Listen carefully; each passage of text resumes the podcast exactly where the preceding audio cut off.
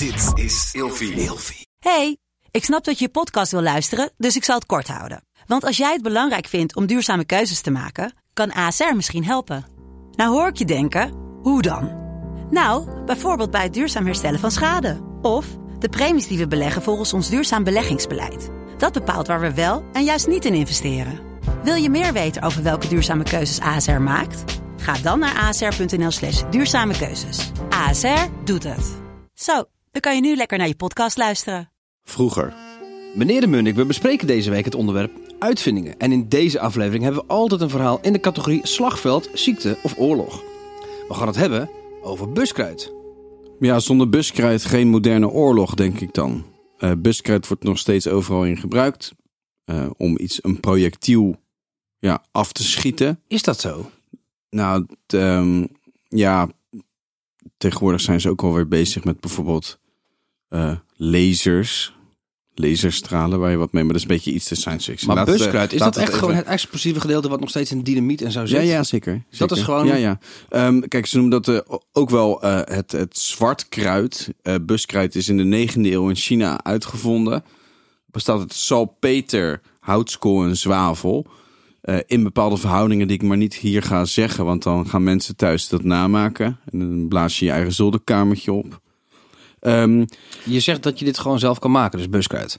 ja, dat is wel zelf te maken. Ja. Serieus? Ja, wel. Jawel. Dat, eh, als je een beetje, een beetje scheikundig bent aangelegd, dan moet dat wel lukken. Wauw. Tenminste, je moet wel natuurlijk aan de bestandsdelen komen. En vooral salpeter of salpeterkristallen.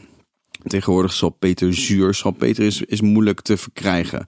Eh, dat heeft te maken met dat je dat ook moet, kan winnen uit mest en aarde in bepaalde verhoudingen een lange tijd laten rusten, zodat er dus bepaalde dampen ontstaan. En die dampen en die kristallen die moet je dan weer gaan zuiveren. En er komen heel veel chemische processen bij kijken voordat je dus dat ene bestanddeel hebt. Maar buskruid was dus het eerste explosieve stofje. Ja. Gebruikten ze dat nou ook echt in Eh, die geweren nee, dat en in de ja, nou, in, in eerste instantie gebruikten ze het om projectielen aan te drijven. Die projectielen, dat konden pijlen zijn of vuurpijlen. Dus de vuur, zeg maar, waar, hè, waar wij met oud en nieuw ons vuur ekste- afsteken. Zo is het begonnen.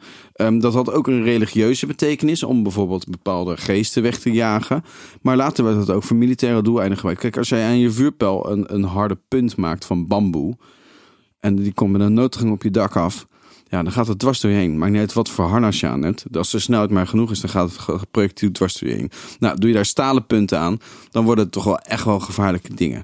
Nou, uiteindelijk ja, ontwikkelen ze dat dus tot kanonskogels, tot granaten, tot bommen die je kan gooien. En wordt de explosieve kracht steeds krachtiger en krachtiger. Je komt erachter dat als je bijvoorbeeld allemaal kleine metalen kogeltjes erin doet, dat als je dat laat exploderen, dat die kogeltjes met een noodgang door de lucht gaan. En dan heb je dus ja, serieuze granaten. Ik heb gelezen dat eh, omstreeks 1325 in Italië de kan, het kanon, het kanonskogel is uitgevonden. En dat kwam omdat ontdekkingsreizigers naar Europa waren gekomen en het buskruid inderdaad hadden meegenomen vanuit China of Mongolië, weet ik het, die kant op. En toen hebben ze in Italië gedacht, hier gaan we iets, hier gaan we een wapen van maken. Ja, ja zo worden de eerste ja, haakbussen, of de eerste, zo worden eigenlijk de eerste ja, musketten uiteindelijk ook gemaakt. Kijk, je, hebt gewoon een, een houten stok met een, met een ijzeren pijp erop waar een kogeltje in gaat en waar de buskruid in zit. En met een lont laat je het afvuren. En dan gaat het kogeltje met een noodgang komt dat jouw kant op. Maar is de wereld dan beter geworden van buskruid? Misschien wel niet.